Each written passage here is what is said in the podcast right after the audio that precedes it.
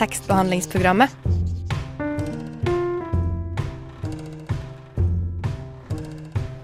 Tekstbehandling på radio.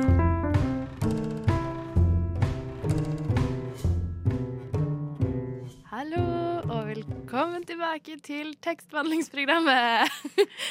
Jeg heter Katrine, og med meg i studio i dag har jeg tekstbehandler Julia. Hallo. Hvordan har du det, Julia? Jeg har det bra.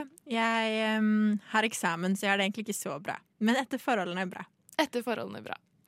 Eh, vi kommer litt tilbake til hva vi skal prate om resten av sendinga, hva som skjer eh, her på tekstbehandlingsprogrammet i dag. Men vi kan jo begynne med å høre eh, Julia, har du lest noe interessant i det siste? Mm, det jeg har lest i det siste, er ehm, har pensumbøker om Midtøsten, da. yeah, men det er jo veldig interessant. Jeg koser meg faktisk masse. Lærer mye om Israel og Egypt og Palestina. Så det kan anbefales. Ja. Eh, men bortsett fra det, så har jeg falt av den eh, litterære eh, kloden. Men hva med deg? Eh, lest eksamen. Jeg har også lest til eksamen. Lest til eksamen og skrevet eksamen. Ikke lest noen ting også, fordi jeg har gjort eksamen. Litt dikt eh, smyger seg inn, for det er liksom kort nok til å ta stilling til eh, Ja. Mm. Det er fint. Det er bra å ha litt avveksling. Men det blir ofte ikke lesing, føler jeg. Det blir andre ting enn lesing når man leser så mye ellers. Ja, sånn. Å, nå har jeg eksamen, så da skal jeg eh, sitte fem timer på YouTube. Hva har du gjort i dag? Lest til eksamen. Nei da. Det er veldig sant. Eh, det som skjer i dag, vi prater om eksamen fordi vi har eksamen, og det er både kjipt, eh, også ikke så kjipt. Men vi får besøk av eh, en eh, skjønnlitterær forfatter, debutant, som heter Eivind Grip Fjær. Men han er også sosiolog og akademiker, eh, så han kan jo litt om å skrive eksamen og andre eh, større akademiske oppgaver. Sikkert gjort det mange ganger. Ja, Masse. så vi skal prate litt om hans eh, skjønnlitterære debut. Det stemmer ikke. Og eh, litt om eksamen. Og vi håper at han kan lære oss og dere som hører på, hvordan man kan bare elske å skrive akademiske tekster. Fordi han må jo synes at det er skikkelig gøy. Tror du ikke man blir hjernevasket til å synes det? Om det. Gjenstår å se. Ja, det blir gøy. Vi eh, tar en låt, og så kommer Eivind etterpå. Lyssna stedet til Radio Nova.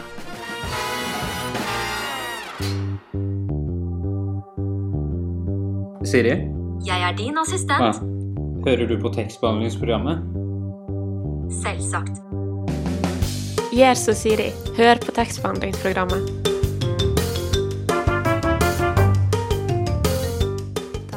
Har vi fått besøk i studio, Julia og jeg. Velkommen, eh, Eivind. Takk skal du ha. Du er eh, sosiolog Mm -hmm. med nesten en ferdig doktorgrad. Ferdig doktorgrad. Altså, den er ferdig skrevet, men ikke godkjent ennå. Ja. Så jeg er spent på hva komiteen syns. Du er eh, skjønnlitterær debutant. Ja. Forfatter. Ja. Eh, og du er, du er jo et menneske, Medmenneske. Ja. som oss alle sammen. Em, vil du si at du er en ekte akademiker? Kan vi si det? Ja. Altså, jeg har vært akademiker i hva, ti år nå. Etter at jeg var ferdig, altså, jeg var ferdig med å studere i 2011. Ja. Um, så jeg har en liten pause akkurat nå, da, for å, for å se hva jeg vil. Pause? Ja. Eller eh, Vi får se. We're on a break. Ja. Men eh, hvem er du? Eh, nei, altså jeg er utdanna sosiolog, da. Um, uh, og jeg, doktorgraden min handler liksom om fest og fyll. Uh, hva unge folk gjør med full. Um, ja, en artikkel sammenligner russefeiring av fadderuka. Um, en annen handler om sånn slutshaming blant russ. Ja, og så er det en artikkel som handler om hva skal jeg si, litt sånn utstrakte ungdomsfester. De som liksom varer over lang tid. Og da har du sånn eh, sånn som fester som varer på Ibiza, hvor du liksom drar ned og så er du der i to-tre uker, eller sånne ting, og så er du liksom full hele tida. Eller altså, rusa på masse forskjellige ting, sikkert. Og eh, sånne fester, sånn som da også russefeiringa er en liksom, sånn tilsvarende type fest, de har en tendens til å få en sånn egen dynamikk. da, Hvor man føler at man kan gjøre hva som helst, fordi det her skjer én gang i livet. Men hvis uh, du liksom er russ først, og så er du liksom på Roskilde, og så drar du til Ibiza altså, det, er noe, liksom det er jo ikke noe som skjer én gang i livet. Men, eh, så du har skrevet uh, mange artikler. Uh, du har også skrevet en bok. Kan, li, du liker å skrive. Uh, ja. Ja. Jeg, jeg liker å liksom, sette meg ned og så ser at det liksom, kommer noe tekst på som jeg kan jobbe med. Du liker å skape. ja, jeg liker å skape. Jeg liker å liksom, vite at det har blitt noe av det jeg har gjort, og at jeg kan se på det etterpå. Um, men det er jo, altså, når jeg først skaper noen ting, så er det jo dritt. Sånn at det, liksom, det beste jeg kan håpe på, er at jeg lager et eller annet, og så er det noe jeg kan jobbe videre med. Eh, det meste er jo såpass dårlig at jeg liksom bare må legge det bort. Eller ja, kanskje det kan liksom plukkes opp senere, da. Men um, ja, jeg, jeg kan sitte en hel dag og skrive på noen ting som jeg altså, Når det blir liksom ettermiddag kveld, så bare sånn Nei, det her, her var ingen Det her skal jeg glemme igjen i morgen. Men hva liker du best å skrive? Vet du det? Hva du foretrekker å sitte og jobbe med, f.eks.? Altså, noe av det som også er i den boka som jeg har skrevet nå, da, den, der er det liksom, det er en ung mann som driver og tenker mye og sånn. Og jeg merker at jeg har liksom lyst til at Eller jeg, likte å, å, å skrive liksom om tankene hans og sånne ting. Men det, det,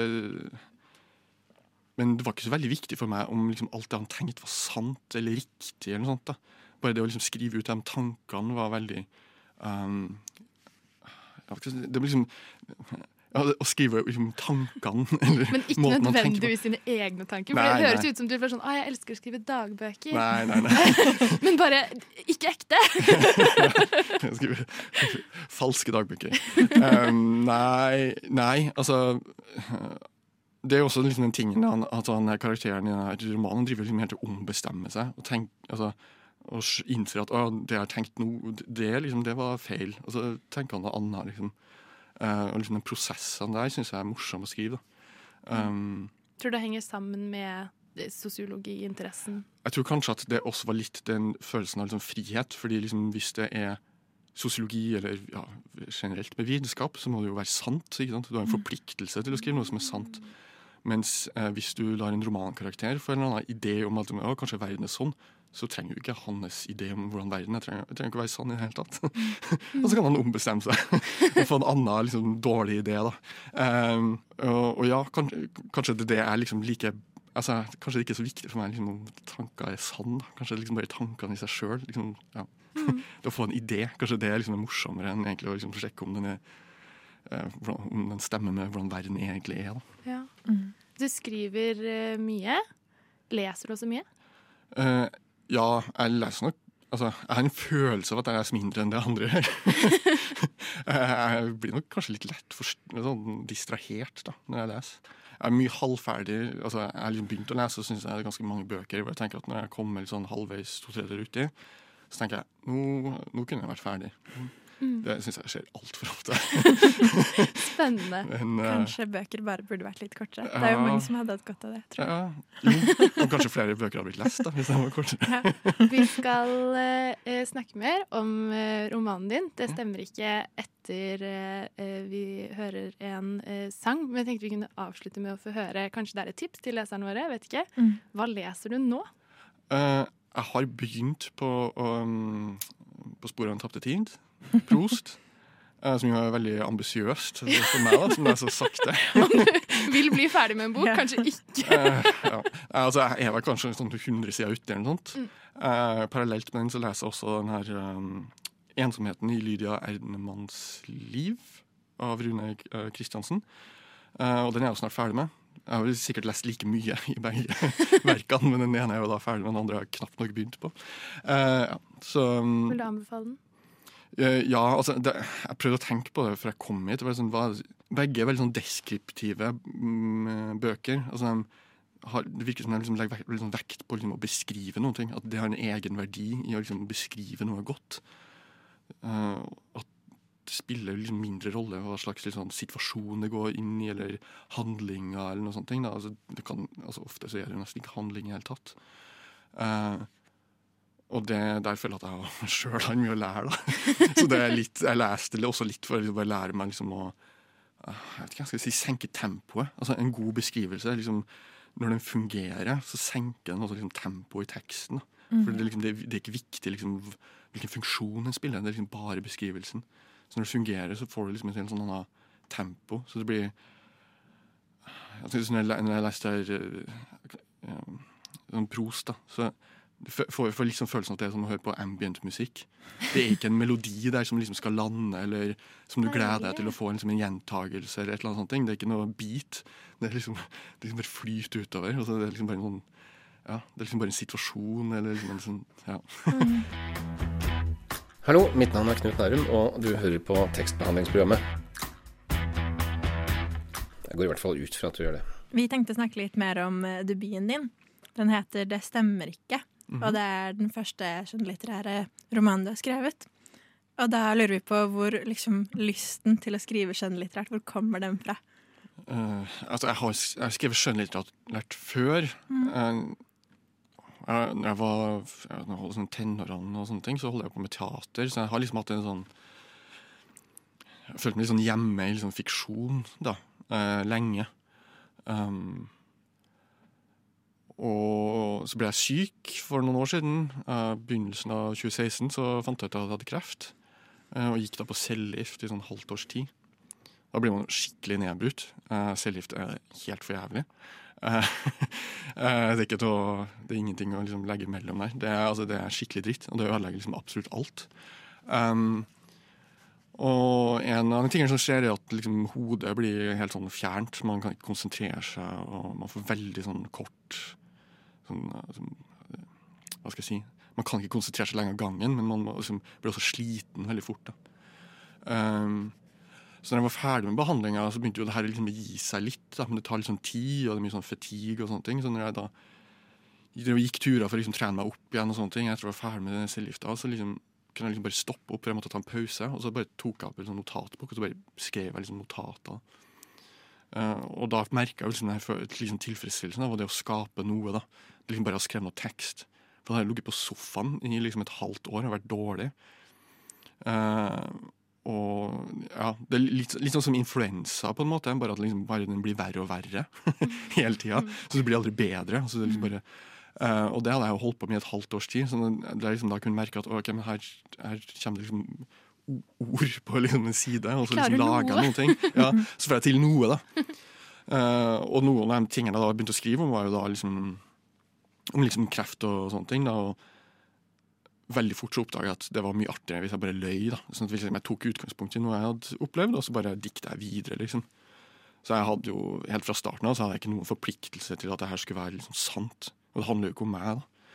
Så det er kanskje de liksom riktigste tingene som er der, er jo den tingen om kreft. da. Alt det andre er jo ting som jeg bare liksom dikta opp. Um, ja, det var noe sånn han, han hadde spilt noe teater på videregående. Den forestillinga er faktisk sann. Jeg har skrevet litt om, kanskje, men ja, ganske sant. da. Men, da, men altså, jeg har ikke hatt noe forpliktelse til sannhet. da. Og jeg har ikke hatt noe jeg har ikke noe behov for å liksom utlevere noen andre. Så det har jeg vært liksom pass, påpasselig med. at liksom, Hvis jeg har en følelse av at okay, her, her er det noen andre som kan kjenne seg igjen, så, så har jeg bare ikke skrevet om det. liksom. Så, ja. uh, men det begynte, det begynte med den der skal si, tilfredsstillelsen av å liksom se at ja, her kommer det liksom ord på en side som jeg kan liksom jobbe med. Um, og de delene som handler om kreft i romanen, som er de, de er gjerne litt sånn korte avsnitt, som ofte er litt sånn avrunda. Liksom, ja. uh, så de skiller seg kanskje litt også fra en del andre deler av romanen. Mm. Ja. Fordi vi har faktisk tenkt på det at det er en Eller en, nesten en todeling i romanen, hvor, eh, hvor kreften jo får mye plass i, i begynnelsen. Ja. Og eh, jeg er nysgjerrig på om du liksom tenkte gjennom det når du satte opp historien og hele kronologien, at det liksom skulle være eh, være litt adskilt? Eller hva, hva er Ja. tanken med todelingen? Um på en måte så var liksom todelingen bare føltes sånn naturlig for meg. Ja. Jeg bare kom på det i sted når du sa at du, du, du bare leser halve bøker. Er, var det fordi du ville at folk skulle lese hele boka? Bare sånn, å, Vi bare skifter eh, bok midt i. Jo, altså det, ehm, altså det føltes litt sånn bare naturlig for meg. Så på en måte så var det ikke et uh, Først så var det ikke et valg som jeg tenkte, hadde en idé med. Først så var det bare Det her virker riktig. Og så begynte jeg å tenke gjennom kan det her være gjort annerledes. Uh, I stedet for liksom å hoppe i tid, da, fordi på det er vel nesten halvveis eller noe sånt. Så hopper det tilbake i tid til før han får kreft. Og jeg, jeg klarte ikke å skjønne hvordan jeg skulle gjøre det. Da. Så begynte jeg å tenke litt mer på det, og så er det jo liksom det at da Når den hopper tilbake i tid, da, ca. et år eller noe sånt, ting, så får jo det også da den, den bunnen at det han du leser eller liksom vet at han kommer til å få kreft. Så det er liksom en sånn bakgrunn f, eh, for det. Um, og når jeg begynte å se det, så, og jeg liksom kunne skrive inn mer liksom det at han sakte blir liksom sykere og sykere og sånne ting, så, så om det her det fungerer jo på, på en eller annen måte, da. Um, Samtidig så er det jo noen sånne episoder av altså et tema i, i romanen som jeg tror, jeg tror ikke det er noen anmeldere som har tatt opp, så jeg kan jo ta det opp her, da. Eh, Det er liksom det her forholdet mellom det å ha en erfaring og det å fortelle om den.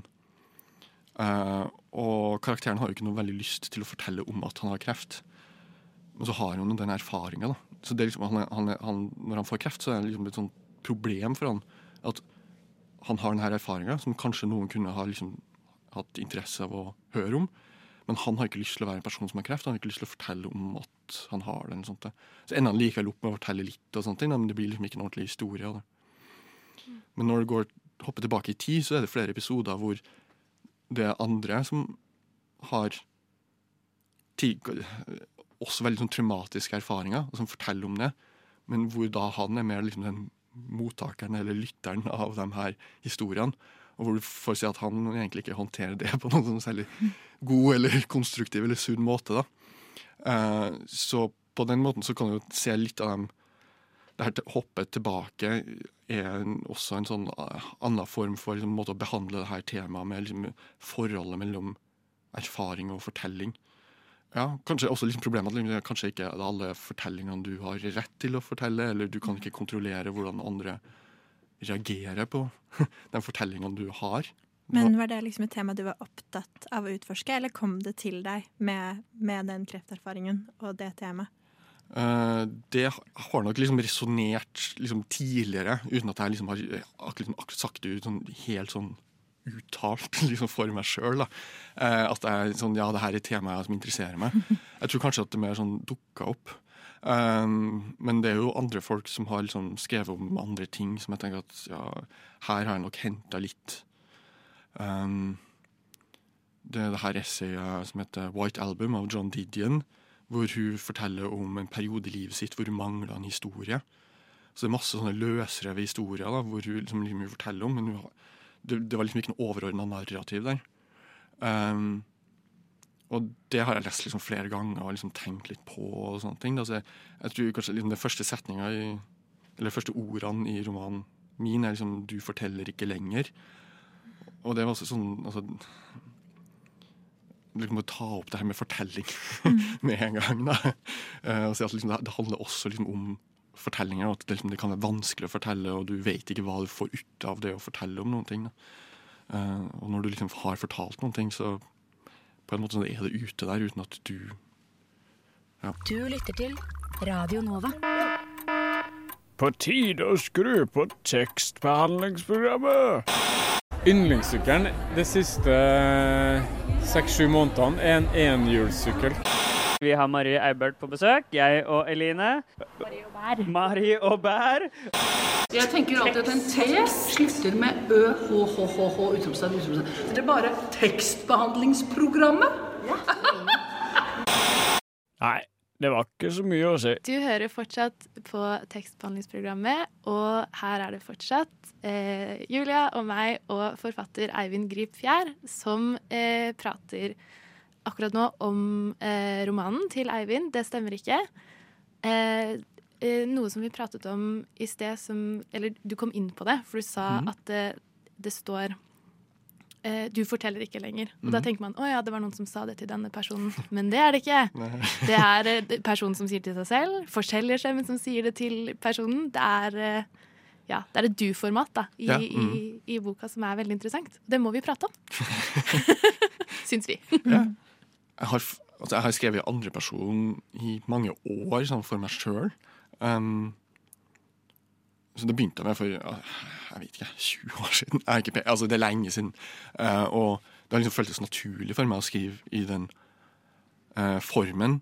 Um, litt fordi det gir en distanse til deg sjøl. Um, eh, på en måte så blir det en sånn kunstighet med teksten, og sånne ting, så det, det blir noe annet liksom utenfor.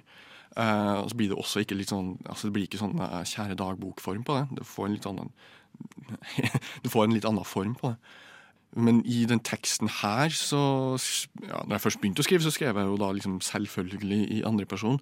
Og så um, tenkte jeg etter hvert liksom, ja, kanskje, kanskje det skal skrives i første person, eller hva- skal jeg gjøre? Og så prøvde jeg å endre på det. Det fungerte jo ikke i det hele tatt. En ting var rytmen. da, altså Alle setninger var jo skrevet med liksom du, du, du, du. du. Og jeg, jeg syns ikke det fungerte å liksom endre det til jeg, eller noe sånt. da. Um, samtidig så er det jo da det her som vi snakka om i sted, med den her problemet med å fortelle, og at en person som ikke egentlig ikke sikker på om han har lyst til å fortelle til noen, men samtidig så forstår han gjennom narrativer, som jo er noe annet. Altså, å fortelle er noe annet enn å forstå noe narrativt. Eh, og det tenker jeg er sånn innebygd da, i måten vi tenker på. er liksom hvis vi har problemer med å forstå hva som har skjedd, så forteller vi en historie om det, og så ser vi ja, det var, sånn det skjedde. Og jeg tenker det er litt den det den her karakteren gjør, at han forteller til seg sjøl, eller på en måte, eller så er det i hvert fall den logikken som liksom ligger innebygd i den du-formen, da, at uh, uh, Det kunne ikke blitt en sånn jeg-form, fordi den hadde liksom, uh, implisert at det var noen andre som lytta til det, og at det hadde fått en sånn bekjennende tone. Og det her er så absolutt ikke en karakter som er interessert i å bekjenne seg til noen. ja. Nei, jeg opplever at det skaper liksom avstand eller noe. Eller, Men ikke på en dårlig måte. Mer at det, mer at det blir noe, blir noe som, eh, som kanskje gjelder flere, eller som er mer eh, allmenngyldig, på en måte. Mm. Eh, på en fin eh, måte. Men samtidig, da jeg først begynte å lese det, så tenkte jeg hm, kanskje det, dette er noen som betrakter Mm. Jeg ventet på at jeg, da. Kanskje det, dette er noen som betrakter noen utenfra. Eh, noen som de kjenner, kjenner veldig, veldig godt. Mm. Um, og så var det interessant fordi det blir jo på en måte eh, en slags kjærlighetshistorie etter hvert. Ja. Um, men, men det duet gjorde at, eh, at jeg forventet det. Men det var, det var ikke det som var hensikten, på en måte. Eller forstår du hva jeg tenker? At sånn, det skaper jo en eller annen forventning om et jeg også, det. Ja, ja, ja. Mm. Mm. Uh, og det hva det, det heter Mike Bahl, eller noe sånt? Altså, det, er, en- det er en- det er sånn som har eh, fra Nederland, tror jeg, som har skrevet en sånn narratologibok.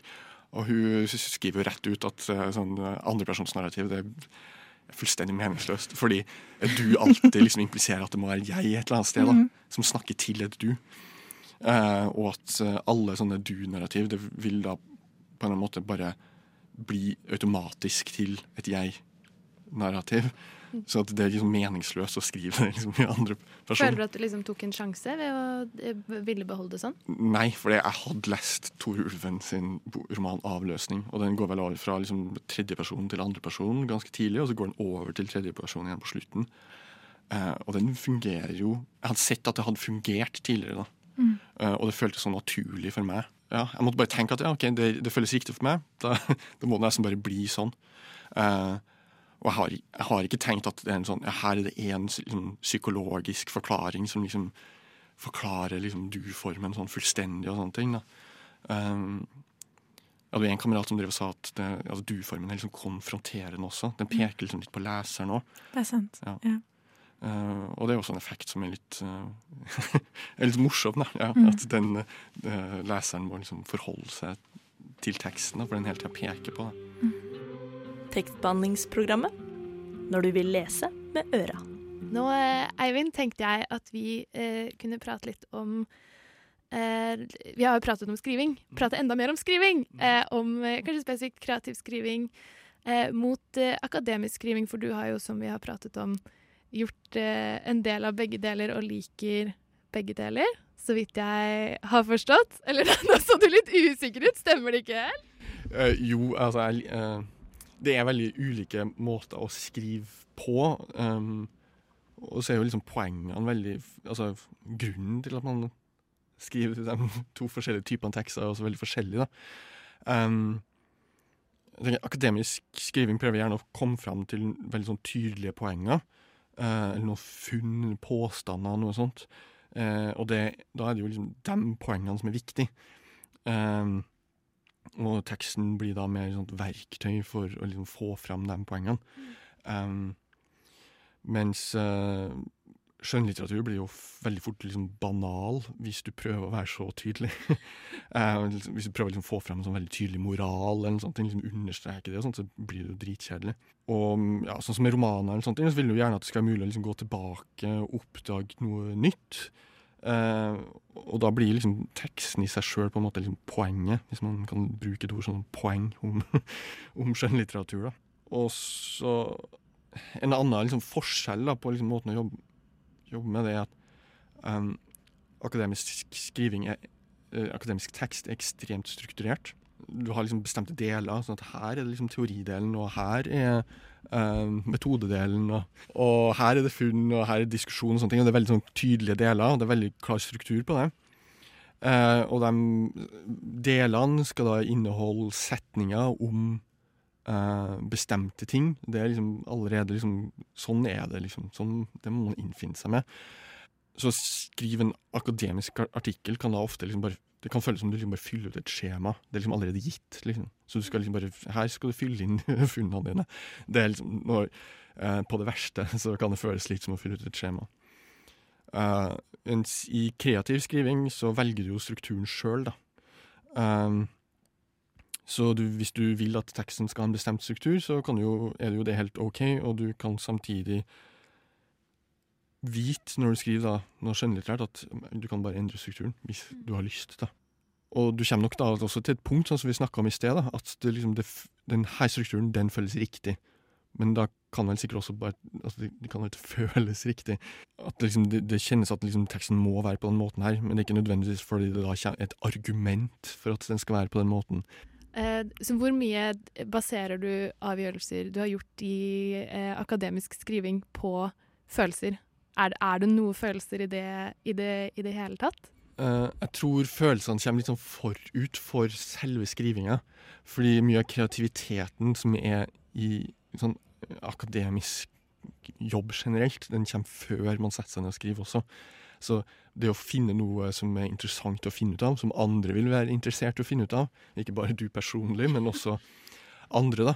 Um, og hvilke metoder man skal bruke, hvem man skal snakke med. Um, man må være kreativ hvis man gjør intervju, og, og liksom, uh, finne de riktige spørsmålene. Liksom, hvis man baserer forskningen sin på intervju. da.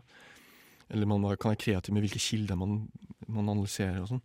Uh, metodebruken. Alt det der krever jo ofte en liksom, viss kreativitet, og man må ofte også være personlig interessert i det. på en måte. Det blir liksom ikke bra forskning hvis man sjøl er liksom lunken til liksom, om mm. man kommer frem til det ene eller andre resultatet.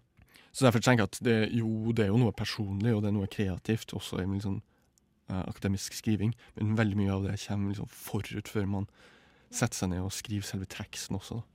Så nå som du har, eh, har, skrevet en roman og fått den publisert og følt på det, eh, er, du, er, du, ferdig med akademia?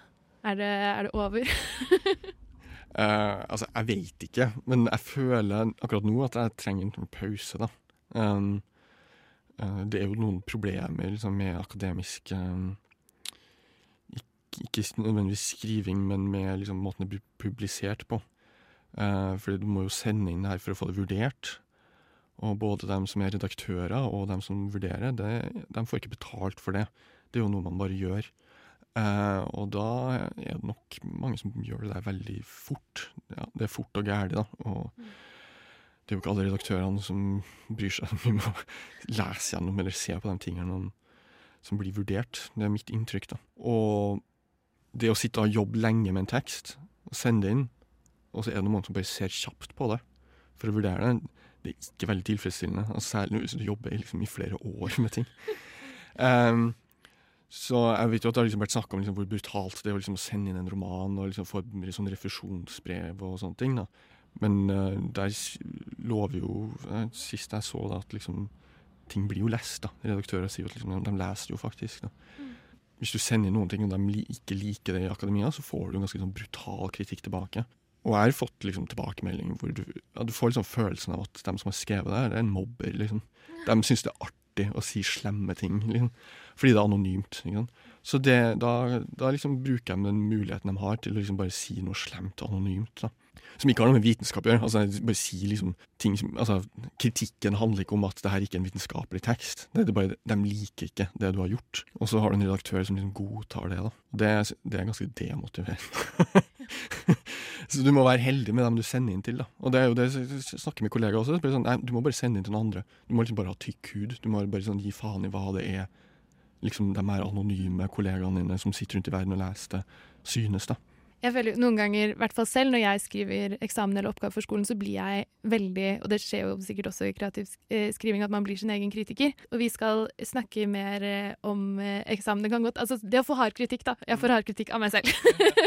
Men vi skal snakke mer om eksamen og hvordan man kan takle den kritikken både fra seg selv også, og fra andre etterpå. Vi skal høre en sang. Hvis du går hjem med noen og de ikke har bøker, ikke knull dem. Hilsen tekstbehandlingsprogrammet. Det er eksamenstid. Eh, vi i tekstbehandlingsprogrammet har besøk av eh, Eivind Grip Fjær, som eh, kan skrive skjønnlitterære romaner, som vi har pratet om. Eh, men han kan også skrive akademiske artikler og eh, sensor eh, sensorveiledninger og eh, kritikker av eh, andres eh, f.eks. eksamener og annet. Eh, det vi eh, ønsker å finne ut, er hvordan, hvordan eh, kan man bli glad i, glad i å skrive eksamen? Jeg tror kanskje det beste man kan håpe på, er å ikke, ikke hate eksamen for mye. Eh, det å ha, ha en eksamen ja. Jo, men altså, jeg, har aldri likt eksamen. Eh, jeg kunne vel kanskje altså, av og til synes at det var litt gøy med en hjemmeeksamen, for da fikk jeg sitte lenge liksom, og, og skrive og eh, sjekke kilder og sånne ting. Da. Men altså, en skoleeksamen, det, det er jo ingenting i arbeidslivet som ligner på en skoleeksamen. Det er jo ikke noen ganger i arbeidslivet hvor du ikke får lov til å bruke helt sånn grunnleggende hjelpemidler, som liksom internett, eksempel. Eller at uh, hver gang du går på do, så skal en pensjonist følge med deg. Uh, så at det er en veldig sånn unaturlig ting. Så jeg tenker at også om det å liksom bli flink eller det å like eksamen, det er ikke så nødvendig. Det altså det, det er litt sånn som at du skal bli sånn um, Hvis du planlegger å være student for alltid, så er det fint hvis du er flink på eksamen. Eh, akkurat som det er sånn Hvis du planlegger å være singel for alltid, så er det greit liksom bra å bli liksom flink til å date. Men for alle andre så spiller det ingen rolle om du liksom er flink på eksamen eller flink til å date, fordi du har liksom planer om å finne noe stabilt og meningsfullt som varer. da. Eh, en jobb, liksom. Eksamen er midlertidig. Den fasen, så skal du bli ferdig med det. Eh, så, men altså ja, det, Jeg tenker for å liksom komme seg gjennom det, da, så tenker jeg at liksom, du må finne en sånn blanding av disiplin og interesse. Og jeg tenker du, du har noen grunner til at du begynte med det faget du studerer. Og du må liksom minne på deg de interessene, og prøve liksom finne i det du jobber med rett før eksamen. Liksom finne igjen dem, det som interesserte deg med faget. Eh, og prøve kanskje liksom anvende de teoriene som du lærer om på det som gjorde at du interesserte deg for det, eller noe sånt. Um, men akkurat liksom når det begynner å nærme seg, så tenker jeg at du bør liksom virkelig slå på disiplinen. Eh, du bør liksom komme deg opp om morgenen og lese. Uh, du bør ikke la deg forstyrre for mye av telefonen. Hvis du har, altså du, Det finnes jo på telefonene sånn ikke-forstyrr-funksjoner. så liksom Bruk dem da, hvis du liksom har problemer med det. Og pass på å ta gode pauser. Uh, også Særlig også slappe av ordentlig sånn timene rett før du legger deg, sånn at du ikke sitter og liksom leser og så lukker den boka og skal sove. liksom. uh, for du vil ikke at det du, du trenger ikke å drømme om liksom de sidene. Men uh, ja. Og så er det liksom spis sunt. Ikke dra på fest midt i eksamensperioden. alko altså, jeg har forska på alkohol. Alkohol gjør ingenting bra for deg i en eksamensperiode. Så bare drit i det. Og så tenker jeg hvis man, altså hvis man får litt sånn frihet da på en eksamen, som har en hjemmeeksamen, eller sånne ting, så tenker jeg at man også må ha en litt sånn interesse for liksom, den tekniske interesse da, i liksom, faget og det å skrive. Um, sånn at man både får en sånn glede i å liksom, utforske et tema, men også at liksom, det, man har interesse for å liksom, gi den best mulige presentasjonen. Og jeg tenker liksom, Akademisk tekst der kan det være veldig, det, veldig tilfredsstillende hvis argumentet ditt, du ser hvordan argumentet ditt blir ryddig, og det blir overbevisende. Uh, og, og, det å liksom få det til, men også liksom lære det, og liksom se at liksom, nå har jeg utvikla meg liksom, i måten jeg skriver en akademisk tekst på, det kan være veldig tilfredsstillende da, og veldig gøy. Uh, når du ser at liksom, nå er jeg mye mer effektiv i måten jeg får fram poengene mine på. Og det her er jo liksom mer overbevisende enn det jeg skrev liksom, for en dag eller to siden. Uh, og liksom ha den tekniske interessen for måten man skriver en akademisk tekst på, det tror jeg også kan være veldig motiverende. da. Hvis man finner fram og liksom klarer å dyrke den interessen også. Ikke bare en interesse i temaet, men også i liksom formen på det. Så, så tenker jeg at det kan hjelpe en da, gjennom, gjennom sånn hjemmeeksamen. ja. Det er mange, mange bra tips. Det høres ut som du har gjort dette før. det er liksom kanskje det samme som gjelder hvis man tenker at en doktorgradsavtangling egentlig er en kjempelang hjemmeeksamen, ja. så har de jo mestret det. Men jeg lurer på, fordi folk liker jo å høre på forskjellige ting når de jobber. Hører på musikk, litt sånn ambient musikk. Jeg har venner som hører på true crime-podkast. Eh, eller eh, Jeg måtte notere meg, fordi jeg syns det var så gøy. En venninne som bare ser på sjakk. Syns det er fantastisk at det er sjakksesong holdt jeg på å si, når det er eksamenstid, for det går liksom hånd i hånd. Kan ikke begynne å lese før det er, før det er sjakk på TV. Eh, hva hører du på når du skriver? Er det forskjellig hva du hører på når du skriver uh, kreativt eller akademisk? Eller er det ingenting? Uh, jo, jeg hører masse på musikk, da. Uh, og jeg hører en del på litt sånn ambient det er, så altså det er så mye ambient, og jeg kan ikke navnene på alle hver gang. Jeg, jeg har jo bare, jeg bare lagra dem liksom, altså, ja, bare for å ha noe bakgrunn, men også fordi jeg liker, jeg liker jo den musikken. Da. Uh, det er en helt annen måte å høre på musikk på, for det skal jo ikke nødvendigvis noe sted. Det, det, så, og det mm, Ellers så hører jeg jo altså jeg hører jo også liksom på sånn War on Drugs, som jeg kan ha helt sånn manisk forhold til. Så jeg kan ha én sang på repeat i flere timer. Liksom. Uh, men uh, ja, altså uten, uten, vokal er jo egentlig det letteste når en skal skrive. da. Um, noen ganger um, er det jo bedre med noe som er driv i. Sånn at sånn skikkelig sånn driv i musikken. Sånn som da War on Drugs. Eller jeg husker jeg skrev en masteroppgave. Da hørte jeg på noe av det 80-tallsalbumene til Rush som uh, har sin helt sånn egne 80-tallsstil. som er sånn at man sliter litt med å ta det seriøst. Men uh, det er en sånn driv der, sånn at man liksom føler liksom rytmen i musikken, liksom, altså, og når man taster på tastaturet det liksom bare sånn, ah, ja. Så det da, da, fikk jeg liksom opp tempoet, husker jeg skrev eh, i fjor, da det var sånn skoleeksamen, men du har den hjemme. Jeg satt jeg fire timer og hørte på eh, alternativ ungarsk metallmusikk. Det er mitt uh, tips. Eh, tusen takk for at du kom. Eh. Takk for at jeg fikk komme. Veldig hyggelig. Og masse lykke til, vil du si lykke til til alle? Lykke til, lykke til på eksamen. Lykke til med innspurt og lesing og feiringa etterpå. Hei, jeg heter Aune, og du må høre på tekstbehandlingsprogrammet. Fordi kunnskap og viten, det er det mest vidunderlige på denne Og det var alt vi hadde fra tekstbehandlingsprogrammet i dag. Vi håper dere har blitt inspirert til å skrive både arbeidskrav, semesteroppgaver og eksamener, og kanskje ei lita roman. Lykke til deg uansett. Eh, mer fra oss kan du høre neste onsdag klokka ti på Radio Nova på DAB og nett, eller når du vil der du hører podkast. I studio var Julia Bueso og Katrine Mosvold, og forfatter Eivind Grip Fjær var gjest.